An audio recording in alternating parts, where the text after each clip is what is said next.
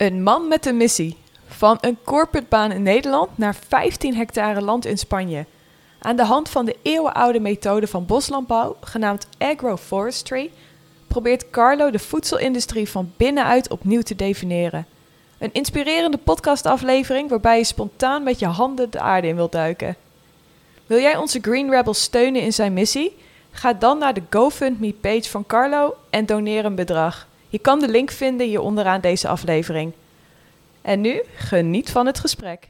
She loves to travel far, drink beer in a bar, buying clothes online and drive around her car. But with the looming climate crisis, the melting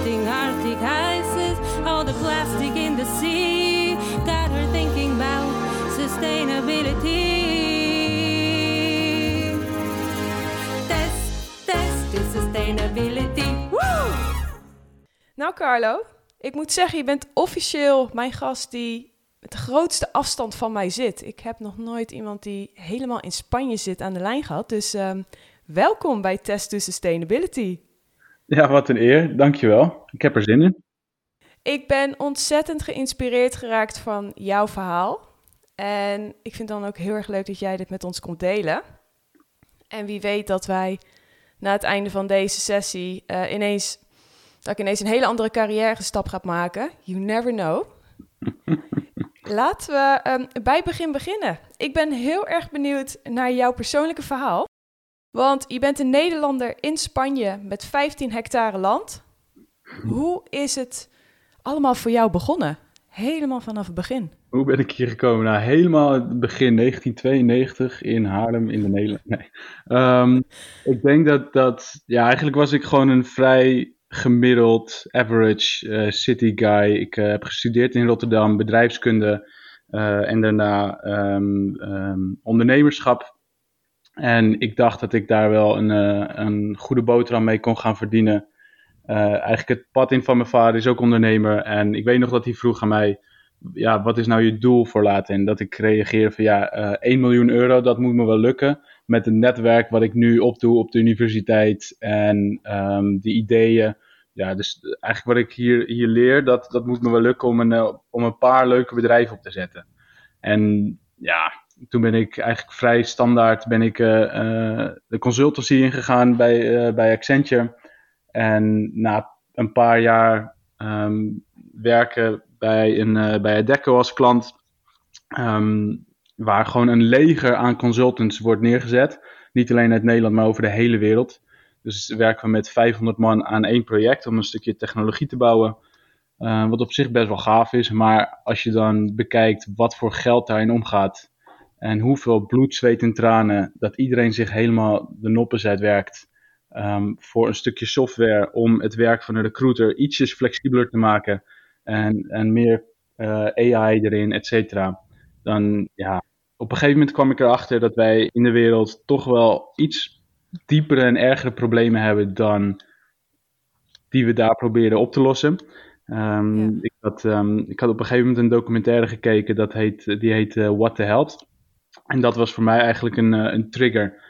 Um, waar ik achter kwam wat voedsel op onze gezondheid doet. En, en dat was voor mij eigenlijk het startpunt om meer onderzoek te gaan doen. Van wat, wat is er nou allemaal aan de hand? Uh, ik hoorde wel meer over dat vlees en zuivel niet, niet het allergezondst was. Maar ja, ik, ik, hield wel gewoon heel erg van mijn, van mijn vlees. En, en ik woonde in een uh, studentenhuis met zeven andere gasten boven een shawarma tent. Dus die werd goed bezocht. En um, ja, dus ik wilde er ook niet zoveel van weten. Maar toen ik op een gegeven moment steeds meer leerde wat er nou eigenlijk allemaal aan de hand is. Hè, klimaatverandering, uh, onze eigen gezondheid. Nu zien we hoe, tastbaar we zijn uh, kwetsbaar we zijn. Uh, de biodiversiteit die gewoon verdwijnt voor onze ogen. Verwoestijning, um, ja, zoveel problemen. En, en dan hè, nog niet eens, hebben we het nog niet eens over dierenwelzijn. En hoe meer ik eigenlijk daarin dook, hoe, hoe, ja, hoe bizarder ik het vond dat er niet zoveel aan gedaan werd. En, en ik kon gewoon niet meer mezelf um, in de spiegel aankijken van waarom ga ik nou nog in die leasebak en elke dag twee uur in de file staan voor wat ik net omschreef. En, en ja, toen op een gegeven moment heb ik gewoon besloten, dit, dit kan gewoon niet meer. En ik werd er ook gewoon echt niet vrolijk van. Ik werd echt diep ongelukkig. En toen heb ik de, ehm, eh, ja, dat was echt een, een quarter-life crisis eigenlijk. Relatie uit, huis opgezegd, uh, baan opgezegd. En ja, wat ga ik dan doen? En toen had ik gehoord van de, de Camino de Santiago, een pelgrimstocht hier in Spanje. Dus toen ben ik in december vorig jaar, nee sorry, februari vorig jaar, 2019, ben ik gaan liften naar de Pyreneeën vanuit Amsterdam. En ehm, ben ik vanuit de Pyreneeën, uit het Franse gedeelte, ben ik naar Santiago de Compostela gaan lopen. Wat een, uh, wat een, uh, een wandeling in totaal van 900 kilometer was. Um, waar ik nou, ongeveer vijf weken over gedaan heb. Wat ik echt iedereen kan aanraden. Ook al heb je een week ooit en je kan het doen. Doe het gewoon een week. Want alleen al het ritme van een week lang gewoon buiten in de natuur lopen. Ja, heeft mij zoveel goed gedaan. En, en dat was voor mij ook wel echt een, een ja, een, een, restart, zeg maar. Waar ik gewoon een nieuw leven begon. En, en um, ja, mijn, mijn faith in humanity, zeg maar, die was daar echt wel restored. Um, kan je me daar wat meer over vertellen? Sowieso een week buiten lopen heeft mij heel goed gedaan. Maar je zegt ook ineens my faith in humanity. Wat, uh, ja, het zijn wel wat, hele, wat deed het hem vooral? Het zijn wel hele grote termen, maar alleen al de, de simplicity dat je s ochtends opstaat om een uurtje of 7, 8. Je, je eet een klein beetje wat, een koffietje en je gaat lopen. En het enige waar je zorgen over hoeft te maken is: waar ga je vanavond stoppen, waar ga je vanavond slapen en um, waar ga ik eten? En voor de rest eigenlijk helemaal niks. En op de Camino de Santiago heb je de luxe, zeg maar, dat die faciliteiten overal zijn. Dus je kan om de 5 kilometer staat er wel een herberg in een dorpje. Of restaurant open, of gewoon een bakkerij. En hier zijn de tomaten gewoon zo goed dat je hier gewoon een stokbrood met een, een tomaat kan eten. zonder, de, die, die, die smaak hier ook gewoon echt naar tomaat.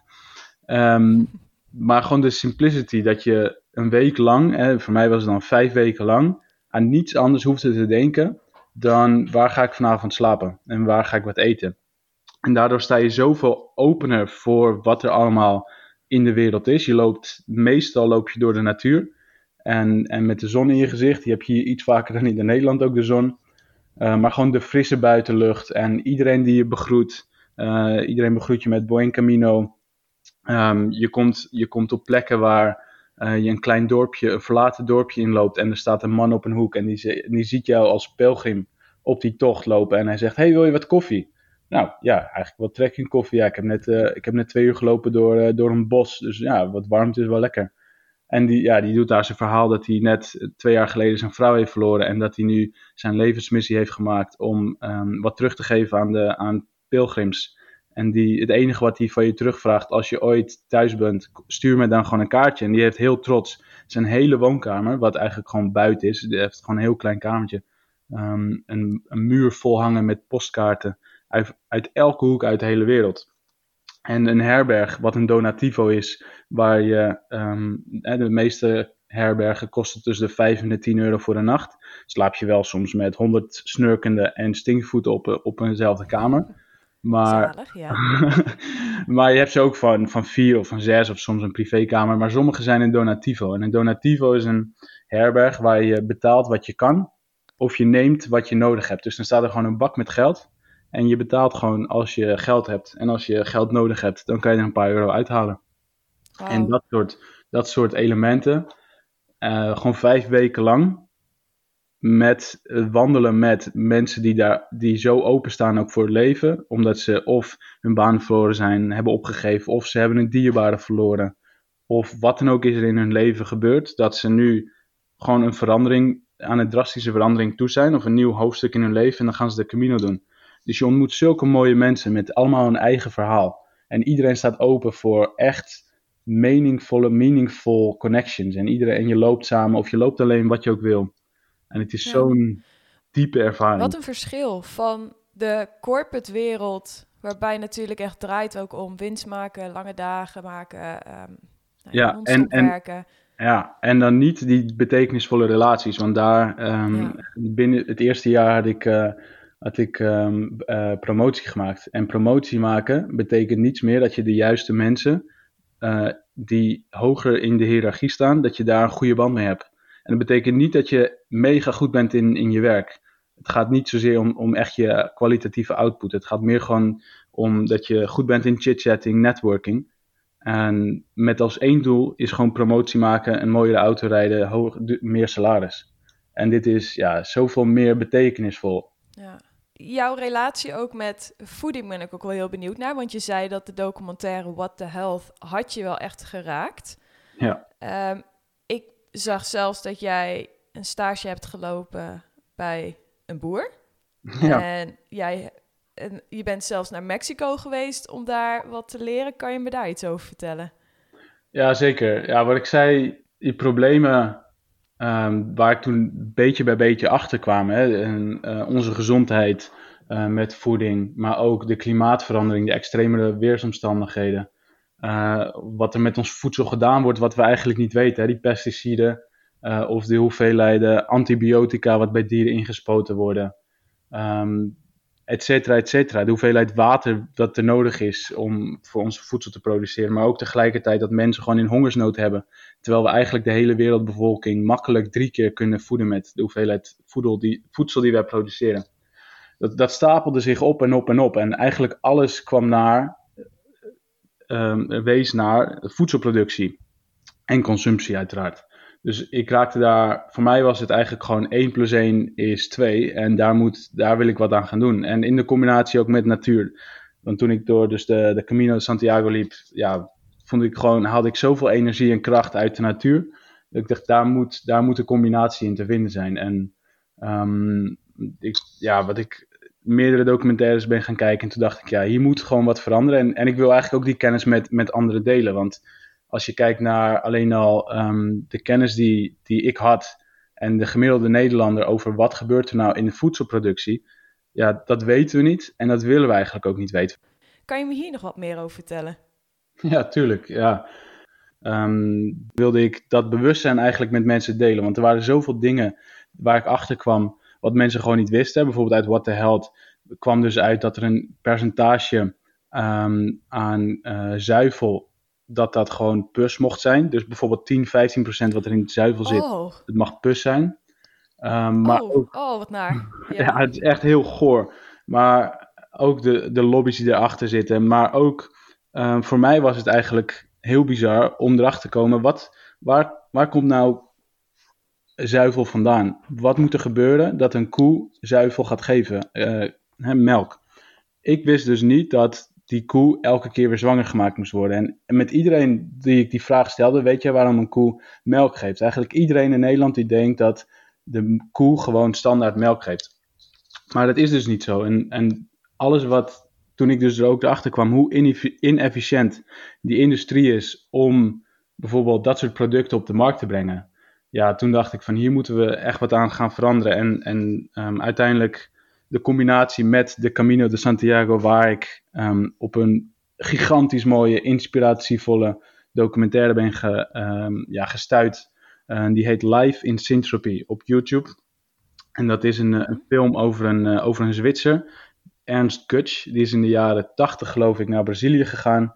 En die heeft daar een stuk, mega groot stuk land wat ontbost was, heeft hij, heeft hij hergeplant op een manier wat eigenlijk gewoon landbouw is, maar wat wij in de westerse wereld niet als landbouw zien, maar als een, een chaotisch bos. En dat is een, manier van boslandbouw, of agroforestry. En daarbij plant je dus verschillende lagen aan, aan planten, bosjes, um, uh, bloemen, um, bomen tussen elkaar. Dus allemaal verschillende soorten gewassen die plant je op een hele slimme manier tussen elkaar door. En dat is niet zozeer slim omdat wij als mensen slim zijn, maar meer op een manier dat we de natuur proberen te begrijpen. Hoe zit een bos nou eigenlijk in elkaar? Want als je een, een kaal stuk grond, die laat je 100 jaar laat je gaan, we doen er niks, we kappen er niks op, we zetten er geen huis op. Stel je voor je eigen tuin. Je haalt er alle tegels eruit en na 50 jaar staat er gewoon eigenlijk een klein jong bosje. Met een paar bomen, maar heel veel onkruid zoals wij dat zien, bloemen. En als je daar slim mee omgaat, um, dan kan je daar dus op een hele efficiënte manier voedsel produceren, terwijl je eigenlijk ook de biodiversiteit verhoogt. Want al, na die 50 jaar zitten er waarschijnlijk heel veel insecten, heel veel bijen, hommels en vogeltjes in, dat, uh, in, de, in je achtertuin. Terwijl ja. er kan dus heel veel voedsel geproduceerd worden. Denk maar aan uh, notenbomen, fruitbomen. Maar er zijn dus ook heel veel groentes die je kan planten die niet na één seizoen doodgaan. Hè? Want bijvoorbeeld een tomaat of een aardappel, dat, die noemen wij annuals. En eenjarige. Die plant je, het zaadje, en na een seizoen die groeit heel mooi en je plukt er de vruchten van. En daarna sterft eigenlijk de hele plant af. En het volgende jaar heb je er niks aan. Maar als we iets meer naar meerderjarigen gaan, dan elk jaar wordt die plant wordt die sterker en gaat die meer gewassen uh, gaat die, um, groeien. En zo als je het hele systeem begrijpt en je plant uh, slim welke gewassen elkaar versterken, die plant je bij elkaar. En daardoor heb je ook geen pesticiden nodig. Want als een virus of een bacterie op één gewas komt, en die kan zich niet zo makkelijk verspreiden. Denk maar aan, de, aan, een, uh, aan een, uh, een kippenziekte of een vogelziekte. Als die in een uh, grote um, kippenstal komt, al die kippen die zijn zo gemodificeerd dat ze allemaal precies hetzelfde zijn. Dus als één kip ziek wordt, worden ze allemaal ziek. Kijk maar nu naar het coronavirus met mensen. Als één iemand ziek wordt, iedereen die in de buurt is, die wordt gelijk ziek. Maar als je diversiteit daartussen aanbrengt, dat is zeg maar een soort bescherming ertussen, waardoor je geen, dat is eigenlijk je bescherming wat nu mensen met pesticiden proberen. Maar dan op een natuurlijke manier. En, en dat was eigenlijk voor mij een, startpunt. En daar, daar, daar raakte ik zo door geïnspireerd en kreeg ik zoveel energie. Dat ik, um, ja, ben ik in Nederland, Voedselbos Ketelbroek in de buurt van Nijmegen ben ik gaan bezoeken. Dat is wel de meest bekende, van Wouter van Eck. En die is nu denk ik 10, 12 jaar oud, dat Voedselbos. En daar keek ik mijn ogen uit. Als je gewoon, zeg maar op je zondagmiddag ga je lekker lopen door het bos. Um, maar dat kan dus ook gewoon door een voedselbos. En dan alles wat je ziet is eetbaar. En wow. um, ja, dat, dat is dus zo'n andere manier van boeren. Waar alle problemen eigenlijk die ik daarvoor tegenkwam. Klimaatverandering, dat de biodiversiteit verdwijnt. Um, de, de vervuiling van water en van lucht. desertification, doordat we, uh, doordat we bomen kappen en heel intensief met onze bodem omgaan.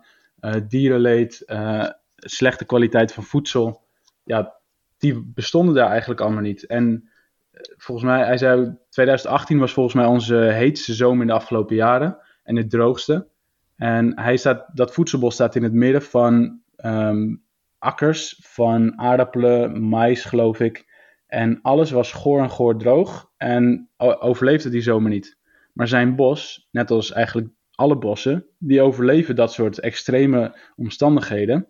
Omdat de bodem is zo gezond, daar zitten zoveel wortelen en zoveel leven in, dat die heel veel water op vasthouden. Dus het is eigenlijk gewoon een soort bassin of reserve aan, ja, aan bizarre hoeveelheid water. En die planten die ondersteunen elkaar allemaal door een heel netwerk wat er onder de grond zit. Wat, ja, wat gewoon eigenlijk mij nog steeds ja, dat is zoiets magisch. En ik denk dat niemand nog volledig begrijpt wat er onder de grond gebeurt. Dat een bos zo resilient is. Dat, ze, dat elk, elke soort boom, plant, bloem elkaar helpt aan een heel netwerk van, van bacteriën en, um, en hoe noem je dat? Um, fungi. Ja, schimmels. Ja. Schimmels, ja. Het, het, weet je, het klinkt heel erg magisch. En het klinkt ook best wel logisch en alleen maar positief. Waarom bestaat dit momenteel nog niet in zulke grote getalen hier bijvoorbeeld in Nederland? Waarom zien we alleen maar weilanden met keurige rijtjes non-stop van dezelfde type gewassen? Ja, hele goede vraag. En die vraag die stelde ik ook aan Wouter. En, en dat is eigenlijk ook de reden dat ik dit nu zelf ben gaan doen, of gaan proberen. Um, er is geen simpel antwoord, maar het, het, ligt aan zowel wat doen wij als consumenten, waar kopen wij ons voedsel. Maar de oorsprong ligt denk ik jaren en jaren geleden. En dat is misschien nog wel op het moment dat wij als Europeanen uh, Zuid-Europa uh, zijn binnengevallen, of, Euro of uh, Amerika zijn binnengevallen met, met schepen. Waar ze dit al in de Amazone deden, in de jungle. En wij als, als simpele Europeanen dachten, ja, maar zo kan je geen voedsel produceren. Het moet gewoon simpel. één product, één input, één output en je hebt wat afvalproducten. Maar dat is gewoon simpel. Hè? Wij, wij, wij leren alles over de aardappel en wij kunnen de beste aardappelen maken. Maar zodra we vijf of vijftig of honderd producten door elkaar moeten gaan zetten, ja, dat wordt wel iets te ja, veel te complex. Dus ze hebben eigenlijk gewoon dat zoveel mogelijk uitgeroeid. Nou, de tweede golf was na de Tweede Wereldoorlog, waar we natuurlijk um, bizarre omstandigheden hebben gekend met de, de, hongersnood. En toen heeft onze uh, minister van Landbouw, die heeft daar ehm, met de beste intenties een heel nieuw uh, beleid ingevoerd. Wat alleen maar gefocust was op efficiëntie, schaalvergroting, industrialisatie en mechanisatie. Waardoor we nooit meer honger zullen krijgen. Maar met desastreuze gevolgen eigenlijk. Dat je de bodem uitput. En dat je daardoor de prijzen bizar om, omlaag gaat. De concurrentie is, is veel te hoog. De boeren krijgen niks meer voor hun eten. Of het nou hier in Spanje is waar ze minder dan een kilo voor, uh, minder dan een euro voor een kilo amandelen krijgen. Of in Nederland waar ze hun aardappelen niet meer kwijt kunnen. Met, met, met de hele stikstofcrisis en alle protesten nu van dien. Ja, het hele systeem is eigenlijk ja, ja, verpest. En, en iedereen zit vast. De boeren zitten vast bij de banken, de overheid. De consumenten die zijn gewend om een hele lage prijs te betalen in de supermarkt. Maar alle hidden kosten, zeg maar, voor het milieu, voor onze gezondheid, voor het dierenleed, die zien we niet. En die willen we eigenlijk ook niet zien. Dus de enige manier die ik denk dat om dit op grotere schaal te gaan doen, is um, om te laten zien dat het kan. En we moeten meer en meer voorbeelden hebben. En dan pas gaat zowel de overheid als de consument gaan mee. Want de consument die helaas, hè, we, willen, we zijn van gemak voorzien.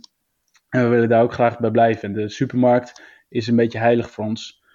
Um, en wat er gewoon in de eerste schappen ligt. Maar als wij dus meer en meer voorbeelden krijgen dat dit op grotere schaal kan, deze manier van landbouw. En er, er is nu gelukkig best wel actief onderzoek vanuit de overheid, vanuit eh, het ministerie van Landbouw, in samenwerking met bijvoorbeeld Wouter van Eck en de Plant en verschillende stichtingen en organisaties in Nederland, om het uh, op een um, wetenschappelijke manier te laten zien dat je meer voedsel kan produceren per hectare, waarbij je dus al die benefits hebt. En dan denk ik dat het beetje bij beetje gaat. Want de overheid heeft hier een hele belangrijke um, uh, rol in. Die moet boeren helpen in hun transitie. Kijk maar nu met de stikstofcrisis, dat ze boeren helpen om um, uh, die transitie te maken. Volgens mij uh, worden er nu miljoenen uit, um, gereserveerd voor de transitie van varkenstallen en koeienstallen.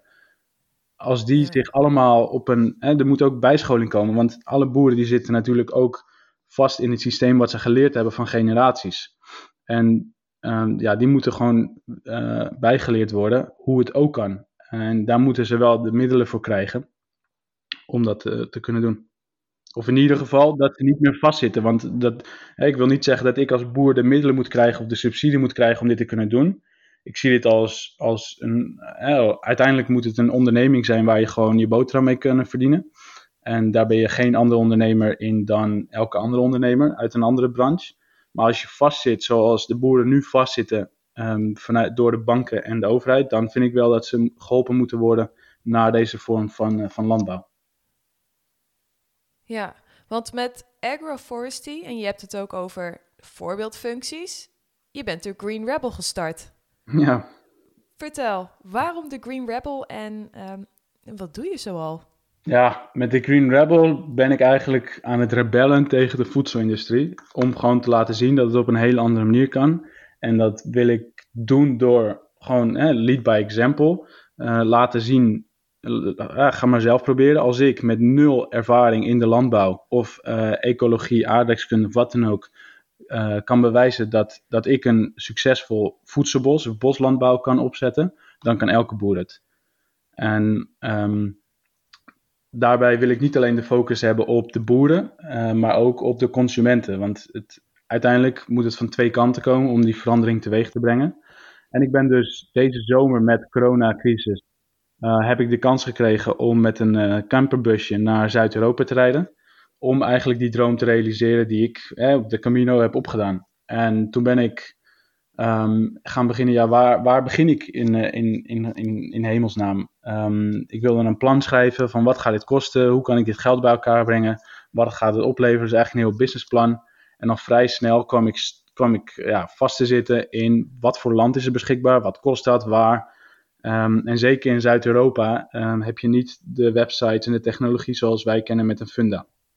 Dus ik dacht, oké, okay, met coronacrisis, hè, ik zat toch thuis. Um, dus als ik thuis kan werken, kan ik overal werken. Ik heb mijn abonnement omgezet, mijn mobiel om, naar onbeperkt. Ehm, en ik ben gewoon met een busje ben ik gaan rijden naar Zuid-Europa met mijn laptop. Dus ik heb gewoon smiddags zitten werken, s ochtends eh, op zoek naar, uh, naar land. En uiteindelijk in, in Catalonië en, en met, ja, ik ben dus de Green Rebel gaan beginnen. En verschillende oproepjes geplaatst dat ik dit ga doen en op zoek was naar land. En via, via, via, via ehm, kwam er iemand naar mij die zei: Volgens mij moet je hier uh, in de omgeving van Barcelona komen. Uh, er staat genoeg te koop. Het is prachtig hier in de bergen. En ze staan hier wel open voor nieuwere manieren van uh, landbouw.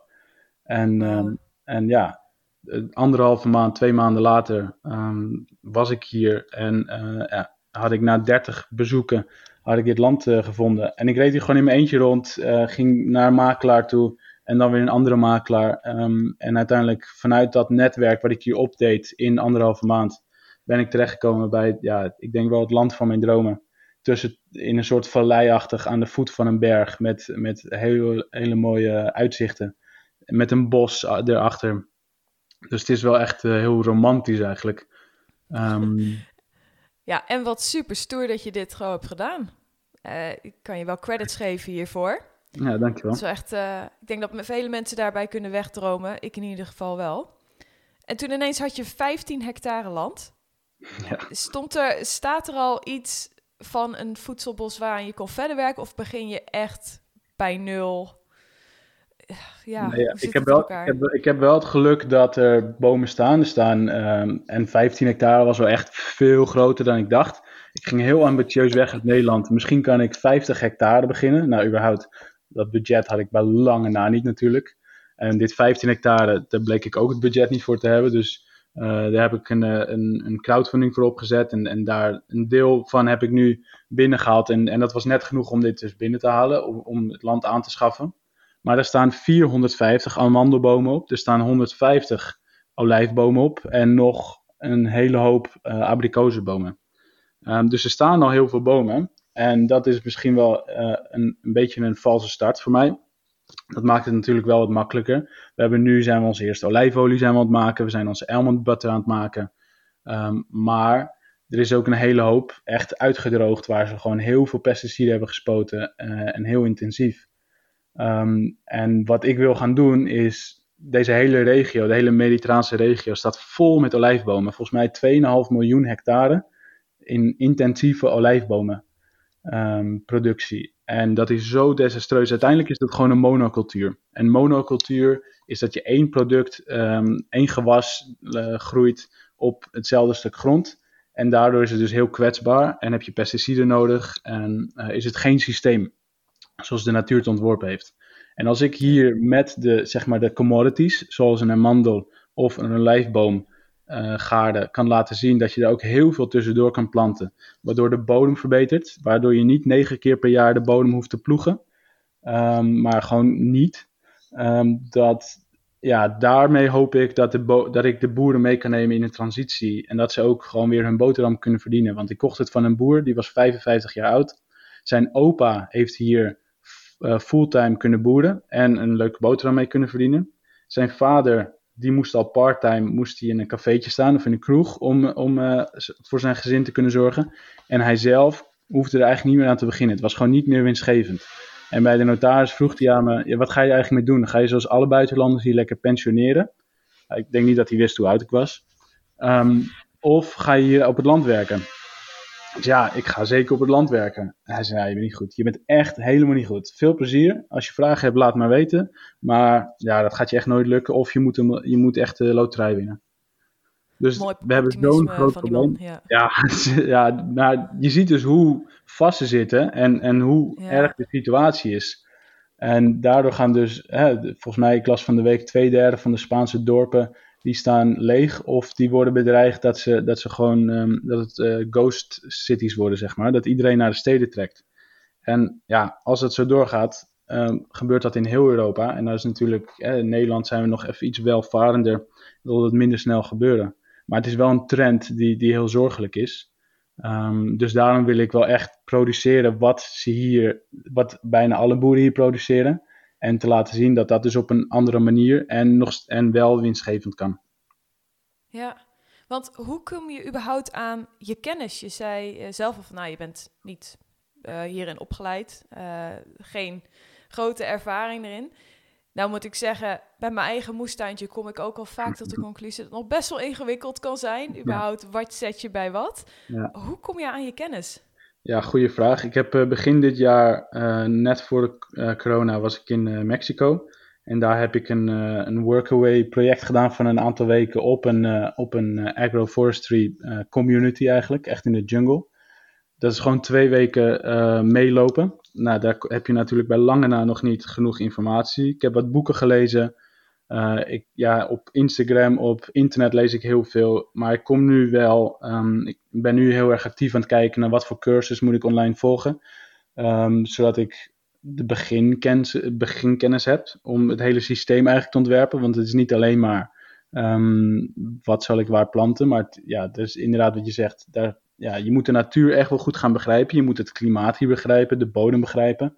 Het is hier best wel droog, dus we moeten op de meest optimale en efficiënte manier met water omgaan. Dus het zou ook water uit ons huis uh, worden, douchewater of afwaswater. Um, dus daar komt heel veel bij kijken. En daar ga ik dus nu online een cursus voor doen. Maar dat zal nooit genoeg zijn om op relatief korte termijn echt te kunnen beginnen. Dus ik wil eigenlijk wel, nu dat het hele project binnen vier maanden is ontploft en zo'n sneltreinvaart is gegaan, wil ik dat eigenlijk ook wel doorzetten. En um, wil ik volgend jaar eigenlijk met een expert, een soort consultant, wil ik inhuren. Um, en die wil ik dan daar samen mee, met dan de kennis die ik al opgedaan heb met, met zo'n cursus, online cursus, uh, wil ik dat ontwerp gaan maken. Maar eigenlijk wel op een manier dat we gelijk die kennis ook weer kunnen delen met anderen. Want er zijn al zoveel mensen die mij benaderd hebben, die, dit, die eigenlijk op hetzelfde pad zijn. En of dat in Nederland is of in Costa Rica, en, of hier in Spanje. Um, en die, ja, die, die, die willen ook die kennis hebben. Uh, maar ook gewoon meehelpen op, op dit stuk land en kijken hoe het er nou aan toe gaat. Dus een soort workshops ervan maken, een soort retreats met, met uh, yoga, meditatielessen, s ochtends uh, goed eten en dan overdag ja, workshops en lekker met je handen bezig zijn in de bodem, bomen planten, et cetera. Dus daar, ja, daar hebben we nog best wel wat, wat, wat geld voor nodig. Um, dus daar hopen we de aankomende maanden verder onze crowdfundpagina um, actie te, ja, dat te kunnen behalen. Um, en dan kunnen we echt beginnen, ja. En dan is het een combinatie van zelf van tevoren een beetje kennis opgedaan met die cursus. Um, de kennisoverdraging van die consultant en gewoon heel veel dan ervaring en learn as you go. Want ja, ook, je ziet ook wel aan je moestuin waarschijnlijk, je kan niet, ondanks dat je het niet perfect doet, je kan het ook niet heel fout doen. En als je maar gewoon met de beste intenties aan de slag gaat, dan kan je nooit het, echt, uh, het systeem echt beschadigen. Nee. Wat zijn de grootste struggles die je de afgelopen maanden hebt gehad? Want je zit nu een paar maanden dan in Spanje op jouw eigen terrein. Waar ben je een beetje tegenaan gelopen? Um, ik denk de grootste struggle gaat hem wel worden, dat zijn jagers. Uh, de dag nadat ik getekend had, uh, liep ik op het land met mijn vader en mijn vriendin. En uh, we hoorden in het bos achter het huis, hoorden we ineens een hoop geschreeuw en hele luide honden. Dus ik dacht, hé, hey, wie, is er, er op mijn land? Dus ik uh, best wel uh, ja, snel daar naartoe lopen. En mijn vader achter me aan, doe maar rustig, doe maar rustig. Dat kunnen nog wel eens jagers zijn. Dus ja, jagers op mijn land, wegwezen. Ja, dus ik, en ik, en ik schrok eigenlijk van mezelf. Ik dacht, waar komt dit nou vandaan? Ik heb net één dag, sorry, ik heb net één dag dit land. En ik word al zo trots als iemand op mijn land loopt. En, en ik wist, ik had wel een gevoel dat het niet met de beste intenties was. En, en dat, ja, dat bleek. Er stonden ineens drie, drie mannen met shotguns voor me. Met, uh, wow. tien, met tien honden die uitgehongerd waren en in trance. En die waren alleen maar op zoek naar prooi. Um, en gelukkig in die minuut dat ik daarheen liep, kon ik nog even mijn mobiel erbij halen. Google Translate uh, naar het Spaans. Uh, niet jagen, alsjeblieft. Um, dus dat, dat probeer ik ook vriendelijk over te brengen. Ik spreek wel een paar woorden Spaans, maar nog niet goed genoeg. Um, en eentje ging volledig uit zijn plaat, dat hij daar alle recht had om te jagen. En we, ik moest maar naar de, naar de mayor gaan, naar de president van het dorp. Um, en hoe wij als buitenlanders, niet eens de taal sprekend, het in ons hoofd halen om hier de regio in te komen en hun de les te leren. Ja, en, en ja. Dat, dat is nog een paar keer voorgekomen dat, dat er agressieve jagers op ons land staan. En dat zal nog wel vaker gebeuren. En dus ja, ik vind dat heel zorgelijk als je kijkt naar de biodiversiteit. Dat ze hier voor de, de lol twee dagen per week aan het jagen zijn.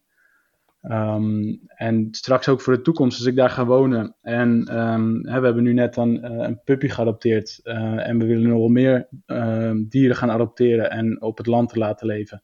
En als die jagers daar rondlopen, ja, dat gaat nog wel een, eh, een uitdaging Doodeng, ja. Um, ja, dat is eng.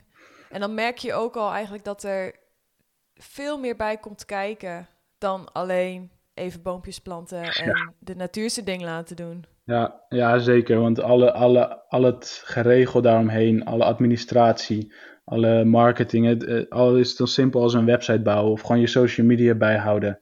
Je komt zo bizar veel kijken dat het gewoon, ja, ik heb eigenlijk gewoon, mijn werkweek is gewoon nu volle bak zeven dagen per week. Um, en je staat op en je, je gaat slapen en voor de rest ben je hiermee bezig.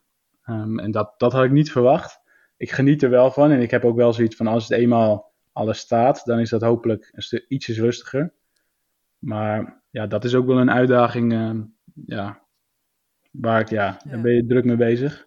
Maar goed, het, het, het, het, geeft me wel heel veel energie. Het is allemaal gelukkig nog steeds mijn passie. Ik hoop dat het ook, uh, ook blijft.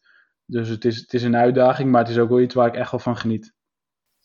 Ja, het klinkt heerlijk. Het klinkt zwaar, maar het klinkt heerlijk. Ja. En zijn er ook manieren waarop ik thuis ook impact kan maken? Dus, nou ja, wil je denken aan eigenlijk die biodiversiteit helpen? Um, of eigenlijk wat jij doet in het klein, in het achtertuintje hier op de Veluwe, zijn er dingen die ik en luisteraars ook kunnen doen?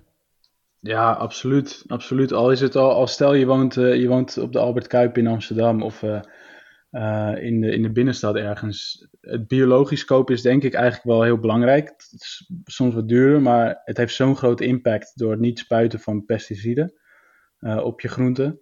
Um, maar ook koop lokaal. Koop eigenlijk zoveel mogelijk plantaardig. Want dat is het meest efficiëntst voor, voor de planeet. Ook zonder, uh, met de hoogste dierenwelzijn natuurlijk. Maar um, als je een achtertuin hebt, trek die tegels eruit. Plant een paar bomen met wat.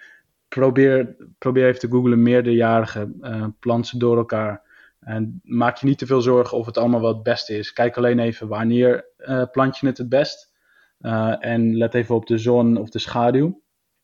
Um, maar wat denk ik um, het allergaafst is, um, is kijken naar hoe werkt de natuur nou en hoe, in welke abundance werkt de, de natuur. En als je gewoon een tomaat opens, opensnijdt bijvoorbeeld, of een pompoen, kijk eens hoeveel pitjes daarin zitten.